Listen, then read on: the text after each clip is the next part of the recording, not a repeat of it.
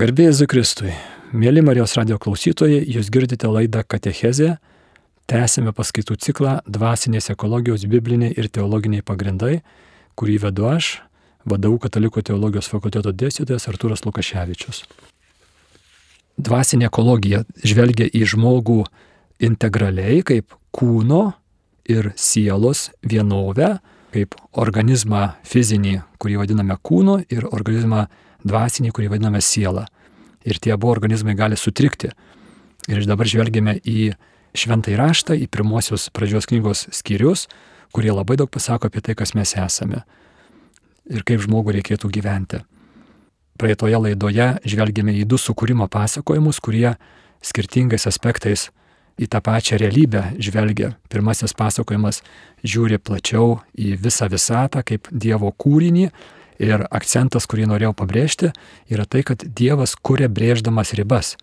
E, Dievas yra kūrėjas ir tas kūrimo procesas vyksta atskiriant e, šviesą nuo tamsos, vandenį nuo sausumos ir kitus atskirimo, reiškia, veiksmus Dievas daro ir tas atskirimas yra tai, kas, kas e, per ką kūriniai ateina į buvimą.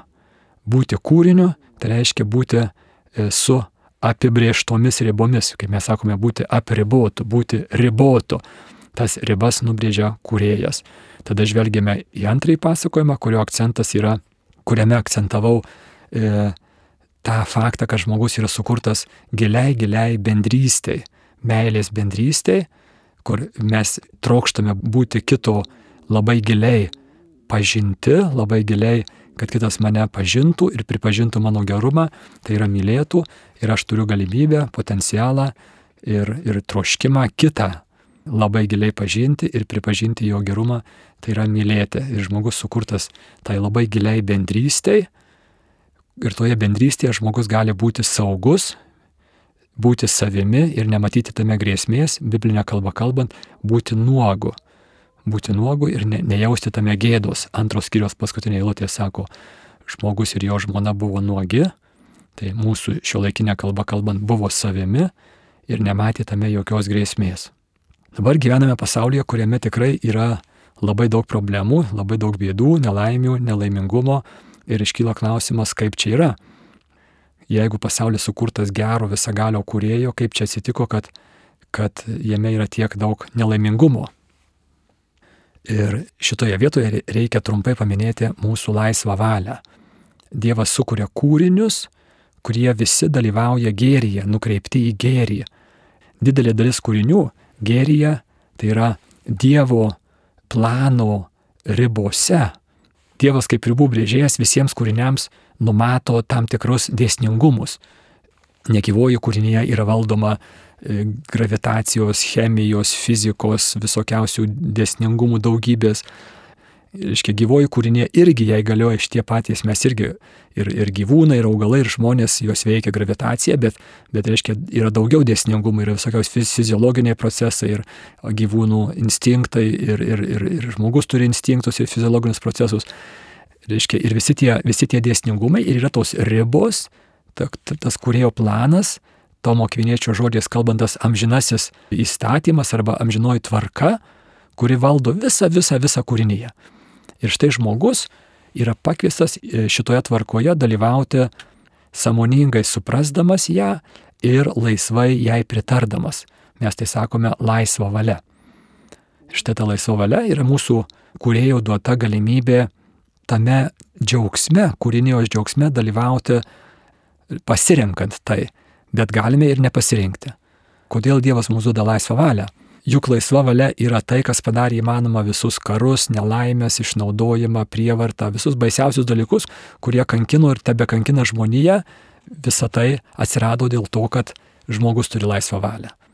Ir tada kyla klausimas, kodėl Dievas duoda mums tą laisvą valią. Ar nedaug paprasčiau būtų, jeigu mes jos neturėtume ir būtume užprogramuoti į gėrį, į kurėjo planą, planų, kuriejų nubrėžtų ribų laikymasi per instinktus arba per fiziologiją arba per e, gamtos dėsnius, taip kaip visi, visa gyvoji ir negyvoji gamta vykdo tą amžiną įstatymą, tą amžiną tvarką, kuriejo nurodyta, o štai žmogus gali ir nesilaikyti. Ir kodėl Dievas duoda mums laisvą valią? Atsakymas yra labai gilus ir, ir, ir bedugnė tiesiog yra atsiveria šitoje vietoje. Kodėl Dievas duoda mums laisvą valią? Krikščionybė sako, kad laisva valia yra tai, kas padarė įmanomą meilę. Jeigu nėra laisvos valios, yra tik tai būtinybė, visi gyvūnai, augalai, negyvoji gamta yra užprogramuoti, jie būtinai taip elgesi. Tai nėra galimybės pasirinkti tai iš meilės. Ir štai meilė yra tai, kas tampa įmanoma tik tai tada, kai yra įmanoma ir nemailė. Mylėti yra įmanoma tik tada, jeigu tas, kuris myli, turi galimybę taip pat ir nemylėti. Nes jeigu galimybės nemylėti nėra, tai tada meilės galimybės irgi nėra. Meilė iš būtinybės yra neįmanomas dalykas. Turi būti galimybė nemylėti. Tai štai Dievas pakviečia žmogų dalyvauti gėryje, dalyvauti tame amžinajame plane, amžinojo tvarkoje, laisvai ir samoningai tai pasirenkant. Ir mūsų dalyvavimas šitoje amžinojoje tvarkoje yra gilesnis negu tų kūrinių, kurie joje dalyvauja užprogramuotai. Kodėl, kodėl mūsų gilesnis? Todėl, kad mes dalyvaujame tame samoningai ir laisvai tai pasirinkdami. Tai štai ta laisva valia, mūsų galimybė pasirinkti, iš esmės mūsų galimybė pasirinkti, kuriuo keliu aš sieksiu laimės. Mes savo laisvą valią naudojame ne rinktis tarp laimės ir nelaimingumo. Mes visą laiką renkamės laimę, bet mes galim rinktis kelią, kuriuo sieksiu laimės ir galime suklysti. Tai štai čia yra ta vieta, kurioje, kurioje kyla, kur yra šaknis visų nelaim, nelaimių, kentėjimų, karų, išnaudojimų ir baisiausių dalykų, kurie kankina žmoniją ir iki šiandien dienos. Taigi trečiasis pradžios knygos skyrius. Vėlgi simbolinė, labai lakoniška kalba, piešiamas paveikslas, kasgi ten įvyko, kaip, kaip atsitiko, kad šita nuostabi kūrinyje, visagalio kūrėjo sukurta, pakrypo į tokį didelį nelaimingumą. Iš kur kyla tos visos katastrofos, nelaimės, tiek gamtinės, tiek dvasinės nelaimės. Pradžios knygos trečios skyrios pirmosios aštuonios eilutės. O žaltys buvo suktesnis už visus kitus laukinius gyvulius, kuriuos viešpats Dievas buvo padaręs. Jis paklausė moterį, ar tikrai Dievas sakė, nevalgykite nuo jokio medžio sode. Moteris atsakė žalčiui, vaisius sodo medžių mes galime valgyti, Tik apie vaisių medžio sodo viduryje Dievas sakė, nuo jo nevalgysite, nei jo liesite, kad nemirtumėte. Bet žaltys tarė moteriai, jūs tikrai nemirsite. Ne, Dievas gerai žino, kad atsiversim sakys, kai tik jo užvalgysite, ir jūs būsite kaip Dievas, kuris žino, kas gera ir kas pikta. Kai moteris pamatė, kad tas medis buvo geras maistui, kad jis buvo žavus akims ir kad tas medis žadėjo duoti išminties, jis kynėsi jo vaisiaus ir valgė, davė jau ir savo vyrui buvusiam su ja ir jis valgė. Tuomet abiejų akis atsivėrė ir jėdu suprato esą nuogi. Jie susiau figmedžio lapus ir pasidarė savo josmens aprišalus. Pirmos septynios eilutės - du aktyvūs veikėjai. Tai yra žaltys ir moteris. Žaltys klausė du klausimus. Pirmas klausimas yra provokacinis. Pirmas klausimas yra lengvai atsakomas, bet tas jo lengvumas yra kaip sakant, su, su tikslu tam, kad moteris jį atsakytų ir prasidėtų dialogas. Jis klausia e, moters, ar tikrai Dievas sakė, nevalgykite nuo jokio medžio sode. Vėlgi, čia yra daug labai simbolių. Sodas yra kūrinyje, sodo medžiai kūrinijos gerybės. E, ir žaltys klausia, ar tikrai Dievas uždraudė jums naudotis kūrinijos gerybėmis. Moteris atrodytų šitą žalčio intervenciją lengvai atremė. Sako, ne, sodo medžių vaisius, tai yra kūrinijos gerybės mes galime valgyti. Tik apie vaisių vieno medžio, kuris yra sodo viduryje, gėrio ir blogio pažinimo medis, jūs nuo jo nevalgysite, nei jo liesite, kad nemirtumėte. Sakė taip Dievas mums, sako moteris. Reiškia, jinai iš esmės atsako, kad mes galim naudotis visomis kūrinijos gerybėmis, išskyrus, reiškia, tą medį, kuris simbolizuoja ribas, kuriejų nubrėžtas. Kitaip sakant, mes galim naudotis visomis kūrinijos gerybėmis tuose ribose, kurias kūrėjas yra nubrėžęs. Jeigu mes pažeisime ribas, mes e, savo pakenksime, mes mirsime. Taip mums pasakė kūrėjas. Ir dabar žaltys šitoje vietoje, kai jisai jau turi klausančią ausį ir atsiliepančias lūpas, jisai meta savo pagrindinį kozirį, savo pagrindinį argumentą. Ir jisai sako, jūs nemirsite. Dievas jums sakė, kad jūs mirsite, tai žinokite, kad tiesa yra ta, kad jūs ne tik tai, kad nemirsite, bet jūs tapsite kaip Dievas, kuris žino, kas gera ir kas pikta. Taigi, Dievas jūs apgavo ir išgazdino. Štai ką žaltys sako moteriai. Kodėlgi Dievas jūs išgazdino ir apgavo? Tam, kad neatsirastų daugiau tokių kaip jis.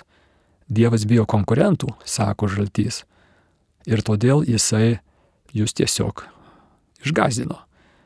Bet jeigu norite tapti pilnai įsiskleidę, pilnai subrendę, pilnai save aktualizavę, realizavę, realizavusius asmenybės, jūs turite imti reikalą į savo rankas, patys spręsti, kas gera ir kas bloga, ir tada būsite kaip Dievas. Jūs ragausite tada dieviškų malonumų, gyvensite dievišką gyvenimą, sako žaltys. Ir moteris stovi prieš pasirinkimą. Pasirinkimo klausimas yra, kuo pasitikėti. O paprašiau šnekant, kas man nori laimės. Ką reiškia pasitikėti? Pažiūrėkite, kaip mes naudojame žodį pasitikėti. Kai mes sakome arba galvojame, štai aš pasitikiu tuo žmogumi, aš pasitikiu tavimi, ką mes turime mintyje? Turime mintyje, kad aš manau, kad tu nori man gero, kad tu esi mano pusėje, kad tu nepasinaudosi mano silpnybėmis savanaudiškai. Ir žaltys sako, jūs be reikalo pasitikite Dievu, nes Jis jums gero nenori.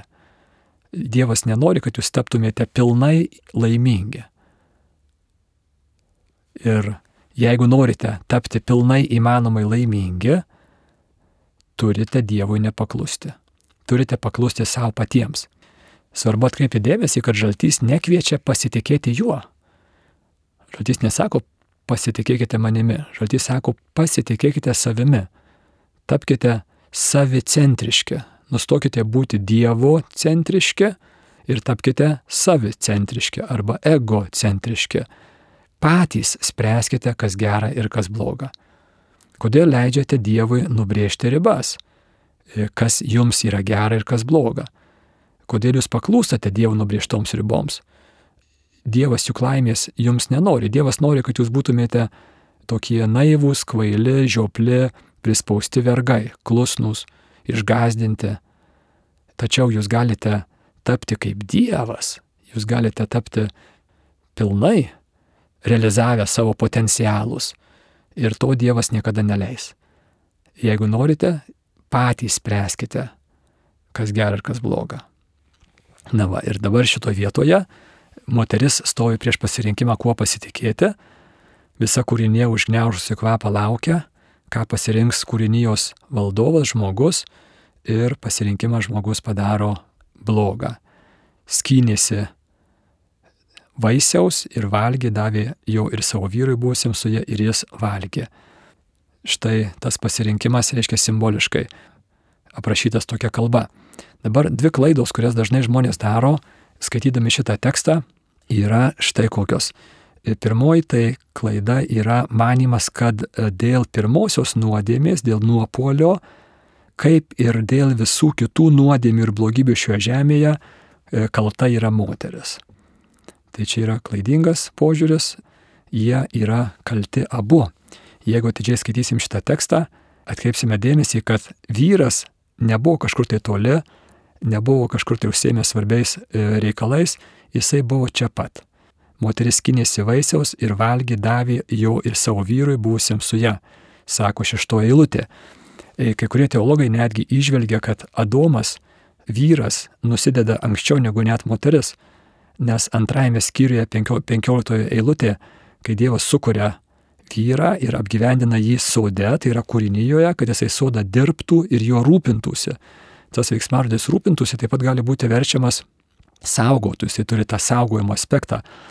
Ir kai kurie teologai sako, štai reiškia, vyras netgi nusideda pirmas, nes jisai nesaugoja savo žmonos, kai kažkoks labai pavojingas įsiveržėlis e, kalbasi su ją ir pokalbis krypsta pavojinga linkme. Adomas, kuris būna šalia, jisai yra pasyvus, jisai neįsikiša, neįsiterpia, nesėima iniciatyvos ir geras klausimas, kodėl jisai taip daro. E, kai kurios teologinės hipotezės yra tai, kad jisai bijo dėl savo kailio, nes konfrontuoti šitą puolusį angelą, žaltį, gundytoją, apreiškimo knygos 12 skyriuje aprašytą slibiną yra pavojinga. Tai kaip tenai bebūtų, ar šitos hipotezės teologinės yra teisingos ar neteisingos, viena yra aišku, kad katalikiško požiūrio dėl nuodėmės, kadangi jie buvo abu laisvi asmenys, yra atsakingi patys. Ir, ir kiekvienas iš jų daro apsisprendimą už save. Moteris ir vyras apsisprendžia nepaklusti Dievui, Dievo įsakymui, tas nepaklusimo veiksmas aprašytas simbolinė kalba kaip vaisiaus skinimas ir valgymas. Taigi, kalta nėra taip, kad kalta moteris, kaltas vyras arba ten 50-50 procentų arba 40-60, ne taip, 100-100. Reiškia, kiekvienas, kiekvienas už save atsakingas yra ir kiekvienas yra padarė šitą sprendimą pats. Dabar antroji klaida yra manimas, kad pirmoji nuodėmė buvo, taip žmonės dažnai masto, kažkaip tai, kad pirmoji nuodėmė buvo lytiniai santykiai. Klausimas būtų, ką jie ten padarė, kokį tenais veiksmą jie atliko. Ir atsakymas yra tai, kad mes nežinome, kokį veiksmą. Mes žinom, kad tai buvo veiksmas, katekizmas mums sako, kad jisai tas veiksmas išreiškia neklusnumą Dievui, nepasitikėjimą ir neklusnumą Dievui. Tačiau koks tai veiksmas buvo, mes nežinom. Gal tai iš tikrųjų buvo vaisių skinimas ir valgymas, gal koks nors kitas veiksmas, bet mes nežinome. Tačiau yra klaidinga manyti, kad pirmoji nuodėmė buvo lytiniai santykiai. Kodėl tai nebūtų jokia nuodėmė? Nes jie buvo vyras ir žmona, antros kiriaus pabaigoje, reiškia, tas tekstas esantis yra jų santoką išreiškintis tekstas. Vyras palieka savo tėvą ir motiną, glaudžiasi prie savo žmonos ir jėdu tampa vienu kūnu. Čia yra santokinė, santokinė sąjunga išreiškintis, taip pat ir litiškumo, ir iškentimių santykius išreiškintis, bet ir daugiau. Tai yra visa, viso gyvenimo vienybė e, santokoje. Ir jeigu tai būtų lytiniai santykiai, tai būtų jokia nuodėmė, tai būtų Dievo įsakymo, būkite vaisingi ir dauginkitės. Tas įsakymas buvo duotas pirmajame skyriuje - vykdymas. Taigi mes nežinom, bet mes žinom, kad tai nebūtų normalūs lytiniai santykiai, tuo mes esam tikri. Vėlgi yra teologinių hipotezių, kai kurie teologai sako, kas tai galėjo būti, tai galėjo būti maginė praktika, tam tikra maginė, maginiai ritualai, maginė veikla. Kodėl maginė praktika būtų nu, galima hipotezė, bet vėlgi pabrėžiu, tai nėra bažnyčios mokymas, tai yra teologų e, hipotezės. Maginė praktika yra Dievo pirmo įsakymo pažeidimas neturėk kitų dievų. Tai yra puikybės, kupinas valdžios siekimas ne tik tai gamtai, bet ir ant gamtai. Taigi tai yra, tai yra tiesioginis, tiesioginis, reiškia, pretendavimas į Dievo poziciją. Tai, tai būtų daug didesnė problema ir kadangi Kananas, kur, į kurį izraelitai įžeigė 13-12 amžiuje prieš mūsų erą, jame buvo labai paplitusios įvairūs vaisingumo kultai, tai yra iš esmės maginės praktikos įtraukiančios žmogaus lytiškumą. Tai va šitas tekstas, kuriame mes irgi turime tokių užuominų - sodas, žaltys, nuogumas, daugia breunis simbolis nuogumas, gėda, reiškia visi šitie simboliai duoda tam tikras užuominas į lytiškumą. Ir, ir reiškia galimas dalykas, kad šitas tekstas parašytas turint mintyje Kanano maginės seksualumo e, praktikas, kas būtų, reiškia, gero dalyko, tai yra žmogaus lytiškumo įtraukimas į, į reiškia, nuodėmingą maginę veiklą. Bet vėlgi tai yra tik tai hipotezės, ką mes tikrai žinome iš bažnyčios mokymo, yra tai, kad tai buvo veiksmas, koks nežinome, galim spėlioti, ir tas veiksmas išreiškia nepasitikėjimą Dievu ir neklusnumą jam. Tai va tai mes žinome. Tada septintoji eilutė sako, Abiejų akys atsivėrė ir jėdu suprato esą nuogi. Jie susio figmedžio lapus ir pasidarė su jos mens aprišalus. Čia labai reikšminga mums eilutė, kurią reikia skaityti kartu su antros skyrio 25 eilute, kuri yra jos priešingybė. Jėdu buvo nuogi, žmogus ir jo žmona, tačiau nejautė jokios gėdos, sako 25 eilutė. Tas nuogumo simbolis, kaip praeitą kartą aptariau, išreiškia mūsų kūriniškumą. Būti nuogu tai reiškia būti kūriniu, būti ribotu, pažeidžiamu, su poreikiais, tam tikrą prasme netobulu ir reiškia būti nuogu ir nejausti gėdos, tai reiškia nematyti tame jokios grėsmės. Ir Adomas ir Jėva iki nuopolio savo kūriniškumą, savo ribotumą, pažeidžiamumą, poreikiškumą priima kaip tai, kas nekelia grėsmės. Aiškiai, mes esame pažeidžiami, bet mes tame nematome grėsmės. Kodėl? Todėl, kad jie buvo saugus kurėjo, mylinčio kurėjo rankose. Aiškiai, mylinčio kurėjo delnuose, kaip panašiai kaip, kaip e, geroji šeimoje augantis maži vaikai jaučiasi visiškai saugus savo tėvų meilėje ir nemato jokios problemos tame, kad, pavyzdžiui, jie dar vaikšto, ar kalba nesklandžiai, ar šleivoja, ar švepluoja ir tame nemato jokios problemos. Ir toks koks nors tenais metų pusantrų, reiškia, koks uh, berniukas ir jisai, reiškia, šleivom kojytėm, tep, tep, tep, tep, eina ir visi ploja iš, iš džiaugsmo rankomis ir, ir visiškai, visiškai, kaip sakant, jisai nejaučia tame jokios, jokio diskomforto, ne, nemato tokios, jokios grėsmės tame. Arba jisai švepluodamas taria žodžius ir, ir visi, visi šypsosi ir, ir pritariamai linksi ir džiaugiasi juo. Šitas vaikas gyvena besąlyginės meilės atmosferoje ir jis yra priimamas ir mylimas toks, koks yra tam momentui. Aišku, tėvai stengsis, kad jisai po truputį išmoktų sklandžiai kalbėti ir, ir, ir vaikščioti ir be abejo jisai tą ir padarys. Bet šiam momentui jo tie trūkumai tokie vaikiški, nesklandumai yra jokia problema. Bet dabar įsivaizduokime šitas pats vaikas, dviejų, trijų metukų, reiškia, patenka į vaikų darželį. Ir staiga iš jo pasišaipo, patyčios, nustumia jį, pajuokia ir staiga jisai pamato, kad tai, ką jisai, kaip jisai kalba, kaip jisai gal nesklandžiai tenais taria žodžius, ar kažkoks kitas nesklandumas jau yra grėsmė jam. Ir jisai tai pradeda matyti kaip gėda. Gėda, pastebėkime, yra diskomfortas dėl to, kas aš esu.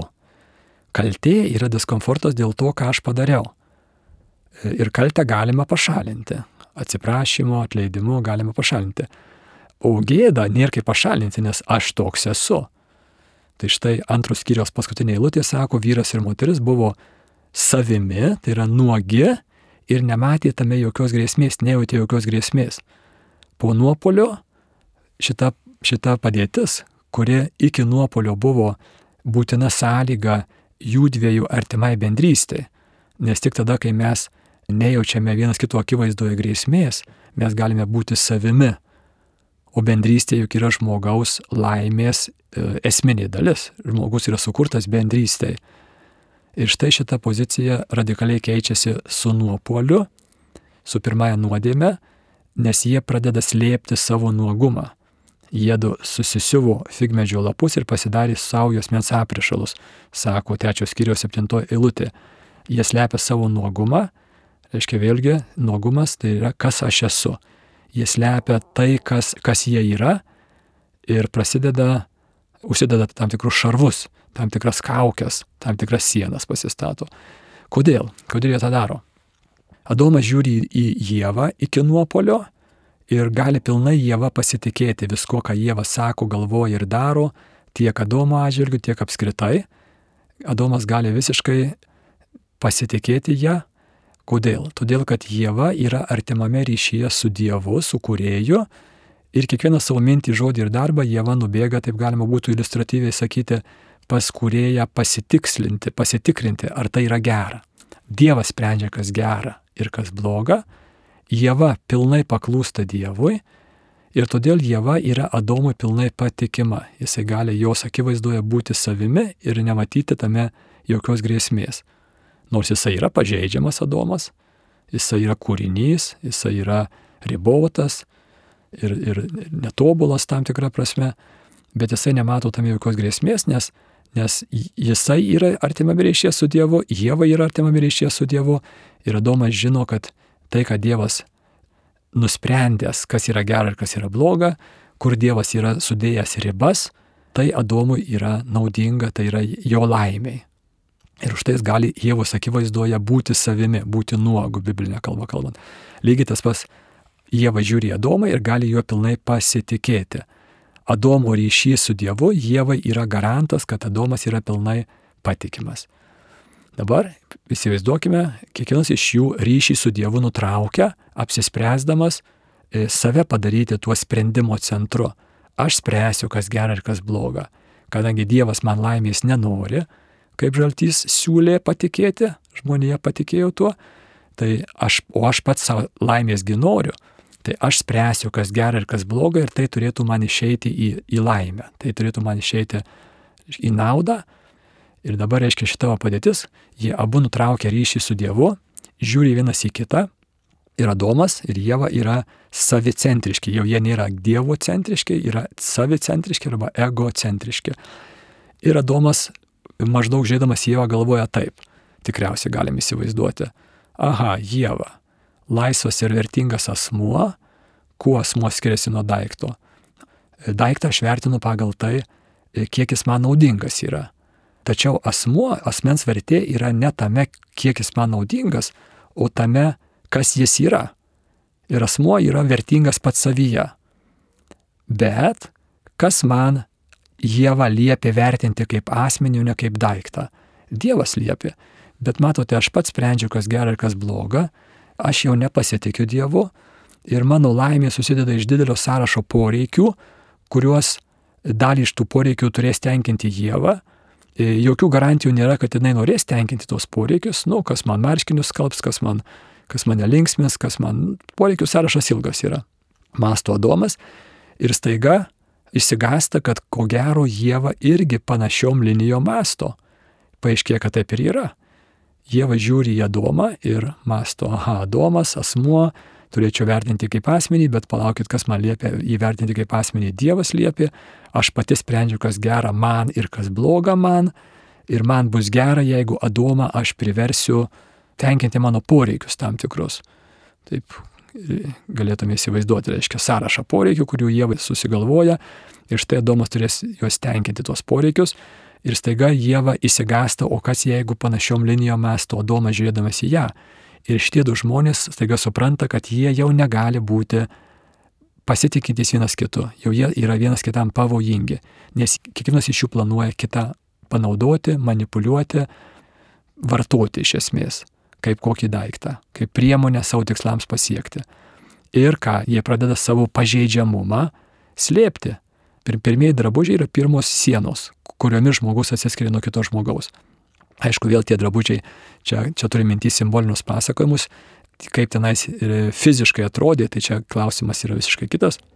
Bet e, ta svarbioji mums žinia yra tai, kad puolė žmogus jau negali būti savimi, biblinė kalba kalbant, nuogu kito žmogaus akivaizdoje. Kodėl? Todėl, kad būti nuogu tai reiškia būti pažeidžiamu. Ir jeigu aš savo pažeidžiamumą kitam atversiu, jisai gali tuo pasinaudoti ir mane mane nustumti, mane lipti man per galvą, man, man reiškia mane nuskriausti ir taip toliau.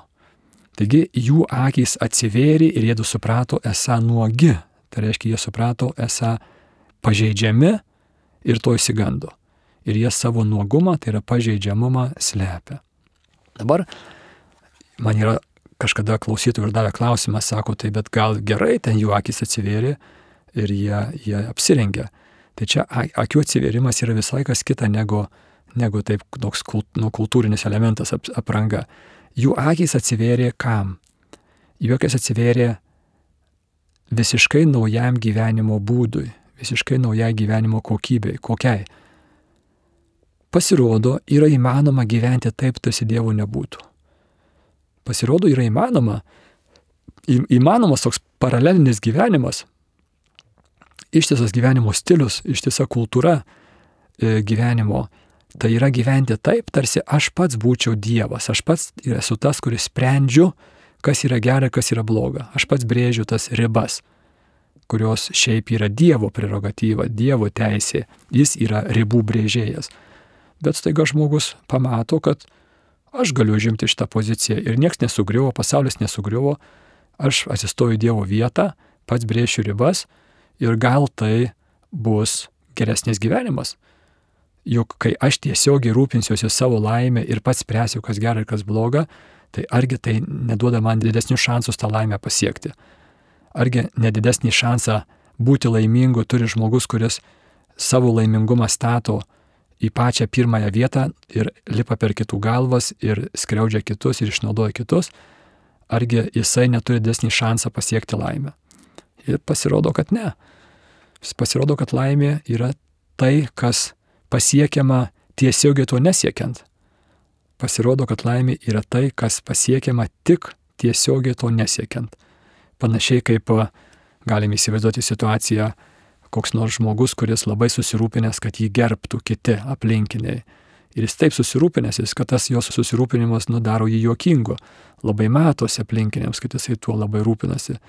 Tai štai tas žmogus, kol, kol jisai taip stipriai rūpinsis, kad būtų gerbiamas, tol jisai nebus gerbiamas. Iškia, pagarba yra tai, kas yra gaunama tik tai tuo tiesiogiai nesirūpinant. Tai atkreipkime dėmesį, kad patys svarbiausiai mūsų gyvenimo dalykai yra gaunami tiesiogiai jų nesiekiant, o siekiant kažko tai kito. Turim siekti kažką tai kitą. Taigi šitas vaisiaus skinimo ir valgymo veiksmas, tai, kuris išreiškia apsisprendimą pačiam spręsti, kas gera ir kas bloga, tai yra pačiam brėžti ribas savo gyvenime ir savo, savo asmenyje esančias tas ribas. Pirmiausia, ką padaro, nutraukia žmogaus ryšį su kitu žmogumi. Žmogus pamato, kad kitas žmogus man yra pavojingas, iš kur aš tą žinau, nes aš žiūriu į save ir aš matau, kad aš esu jam pavojingas. Aš kaip egocentrikas matau, kad, kad aš kito, kito žmogaus atžvilgiu esu linkęs juo naudotis, manipuliuoti ir panašiai. Ir aš tada darau prielaidą, kad ir jis taip mano mano atžvilgiu. Ir mes abu staiga suprantame, kad mūsų, mūsų nuogumas, mūsų buvimas savimi vienas kito akivaizdoje kelia mums grėsmę. Ir mes atsitveriame vieni nuo kitų e, drabužiais, kurie yra e, pirmosios sienos, pirmieji šarvai, kuriais aš apsisaugau nuo kito žmogaus. Ir tie šarvai tikrai veikia, jie tikrai apsaugoja, bet taip pat jie ir atskiria. Per tą sieną, kurią aš apjuosiau save, jinai mane ne tik tai apsaugoja nuo kito žmogaus, bet ir atskiria nuo kito žmogaus. Ir jeigu tiesa yra tai, kad žmogaus laimė yra gilioje bendrystėje, tai šitos sienos yra tai, kas tą bendrystę sugriauna. Ir jeigu tiesa, kad žmogaus laimė yra gilioje bendrystėje, tai šitos sienos yra tai, kas, ta, kas, kas mane nuo tos bendrystės atskiria. Sienos mane apsaugo nuo kito, bet ir atskiria nuo kito. Ir jeigu aš sukurtas giliai bendrystėje su kitu, tai savo rankomis Štai toksai žmogus savo rankomis statydamas sienas, jisai pats savo rankomis e, panaikina bendrystę, nes sienos mane atskiria nuo kito. Tai va šita situacija, mūsų e, gilus troškimas bendrystės ir iš kitos pusės to, tos bendrystės neturėjimas yra mūsų santykių pagrindinė tragedijos dalis. Ir kur be pažiūrėsime, ar tai bus darbo kolektyvai, ar tai bus uh, E, mokyklos klasės ar studentų grupės, ar tai bus e, bet kuri kita grupė, mes matome tą pačią, tą pačią tragediją. Ar tai bus šeimos mūsų, santokos mūsų, mes matom tą pačią situaciją besikartojančią. Tai yra, mes matome žmonės, kurie trokšta bendrystės, bet bijo jai atsiverti. Ir nebereiklo bijo, nes kitas, kiti žmonės šalia esantis tikrai yra pavojingi. E, įsivaizduokime tokį, nu, saugų, saugų pavyzdį. Duosiu, įsivaizduokim savo klasės, e, vidurinės mokyklos, paskutinių vyresnių klasių, reiškia e, mūsų bendramokslius. Ir štai ar jūsų klasėje buvo galima taip išeiti viešai prieš visą klasę ir parodyti, atverti dušę, taip sakant, parodyti, kas dedasi tavo dušioje. Ir dažniausiai mes aiškiai žinom, kad tikrai ne, nes jeigu tu atversi dušę, tai pasijuoks, pasišaipys, prispjaudys, būsi pajokos objektas iki, iki abitūros ir toliau. Tai štai ta tragedija e, mūsų, vienu metu mes trokštam bendrystės, komunijos, bet tam, kad mes būtume toje komunijoje, bendrystė reikalinga, reikia, kad mes nusimtume šarvus ir būtume savimi, o mes to bijome. Ir, ir pagrįstai bijome. Ir tada belieka tobulinti šarvus, ką mes ir darome. Kita bėda po nuopolio, sekant eilutė, paskaitysiu ir tada, ir, ir tada reiškia, pakomentuosiu, aštuntoji eilutė. Išgirdę garsą viešpatės Dievo vaikščiojančio sode pavakario vėjeliui dvelkiant, žmogus ir jo žmona pasislėpė nuo viešpatės Dievo veido tarp sodo medžių. Labai toksai šiltas, sužmogintas tekstas, Dievas vaikščioja sode, galimybė ir žmogui prisijungti į tą bendrystę. Ir štai žmogus ir jo žmona bėga nuo tos bendrystės, pasislepia nuo Dievo artumo, nuo Dievo veido. Ir dabar svarbioji dalis, kurį akcentą norėčiau paakcentuoti, tai yra, kur jie slepiasi. Jie slepiasi tarp sodo medžių. Prisimename, sodas yra simbolis kūrinijos, sodo medžiai yra kūrinijos gerybės, tai kas neša kūrinijos gerybės. Štai kur nuo Dievo atsiskyrė žmogus, slėps savo vidinį skausmą, vidinį tą bedėvystės skausmą beprasmybės skausmą nuo Dievo, nuo savo būties šaltinio atitrūkusiam žmogui, staiga jo širdies centre atsiveria didžiulė žiojėjanti skylė, žaizda, e, kurią skauda ir jisai tą skausmą bandys slopinti kūrinijos gerybėmis. Ir mes knygose ir filmuose savo gal aplinkoje matom žmonės, kurie kaupia turtą. Tai, ką, tai, ką kūrinėje duoda, malonumus, atostogas, reiškia, kitus gerus dalykus. Tai pabrėžiu, nėra blogi dalykai. Nei turtas, nei atostogos, nei kiti geri dalykai, kuriuos duoda mums kūrinyje, nėra blogis. Bet jeigu žmogus bando šitų gerų dalykų pagalba nuslopinti tą skausmą atitrūkimo nuo Dievo, e, nieko neišeis. Tai štai, štai kaip, kaip, kaip sutrinka žmogaus ryšys su kūrinyje, su gamta. Ir, ir mes gyvename pasaulyje, kuriame šitas, šitas atitrūkimas, šitas, šitas požiūris į gamtą, kaip turinčią užslopinti mano prasmės e, klausimą, mano širdie, širdie esančią, esantį giliausią, giliausią prasmės klausimą, yra labai aštrus. Mes matome žmonės, kurie automobilius ir namus, ir atostogas, ir lėktuvus, ir, reiškia, kaupia tiesiog, tiesiog begaliniai. Atrodo, kam to reikia, tu niekad negalėsi miegoti 15 lovų vienu metu, ar, reiškia, kam tikrai, ar, ar to reikia ir paaiškėja, kad, kad reiškia, žmogaus ta širdies, širdies troškulys, jisai trokšta Dievo, žmogus bijo sugrįžti pas Dievą arba neturi vilties sugrįžti pas Dievą ir tada jisai tą beprasmybės jausmą bando užslopinti kūrinijos gerybėmis, slepiasi tarp sodo, e, sodo medžių. Kaip mano dėstytojas sakė, biblistas kunigas Dominikas Valentis sako, slepiasi krūmuose, mes slepiamės, lendami krūmus, kad ne, nejaustume tos to skausmo. Ir pažiūrėkime, visą mūsų ekonomiką, visa reklamų pramonė ant šito pastatyta. Reiškia, mums reklamose visą laiką yra pavaizduota laimė. Ir ta laimė, reiškia, gali būti pavaizduota žmogaus e, veido, e, reiškia, nuotrauka ar, ar, ar laikysena, ar judesys, ar, ar, ar kažkoks tai reiškia santykis tarp žmonių, kažkas šypsena, rankos paspaudimas ir panašiai. Bet visais atvejais tai yra, tai yra laimės išraiška. Ir šalia yra tas produktas, tai gali būti dantų pasta, ar automobilio padangos, ar grindų dažai, ar iš esmės bet kas, kas reiškia turėtų pagal tą reklaminę žinę tą laimę man duoti. Ir tai puikiai veikia. Į reklamą yra įdedama tiek daug lėšų, kad, kad tai tikrai nebūtų dedama, jeigu tai nesipirktų. Mes trokštame laimės ir, ir, ir, reiškia, ir tą daiktą susijęs su, su mano laimės troškimu, pasirodo, kad galima parduoti iš esmės, iš esmės bet ką.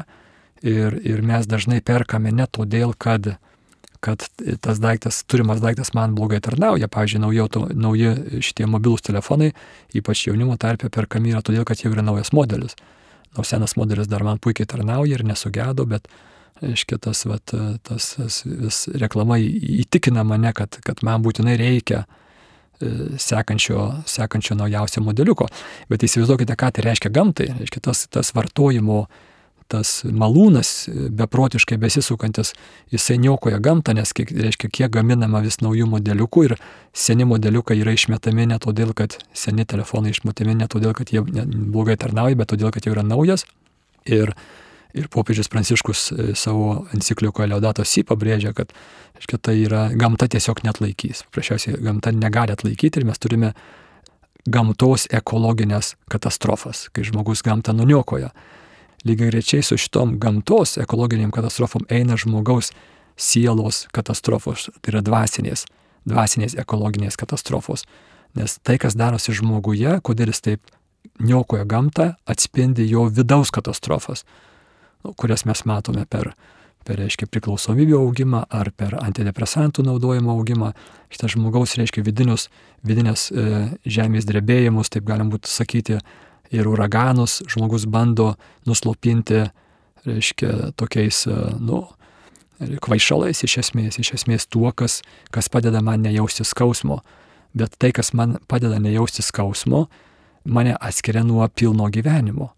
Nes užslopindamas skausmą, tas, tas e, reiškia, piliulė ar ten koks nors kvaišalas, jisai užslopina mano gebėjimą jausti iš viso kažką tai adekvačiai. Taigi sutrinka žmogaus ryšys su likusia kūrinyje. Ir galų gale sutrinka žmogaus ryšys su pačiu savimi. Žmoguje esančios įvairios galios išsiderina, įvairius apetitai reikalauja patenkinimo ir grasina, kad jeigu nebus patenkinti, tai, tai aš būsiu nelaimingas. Ir šitą vidinę netvarką mane atsivėrusią apaštalas Jonas savo pirmajame laiške apibūdina kaip trilypį geismą - kūno geismas, akių geismas ir gyvenimo puikybė.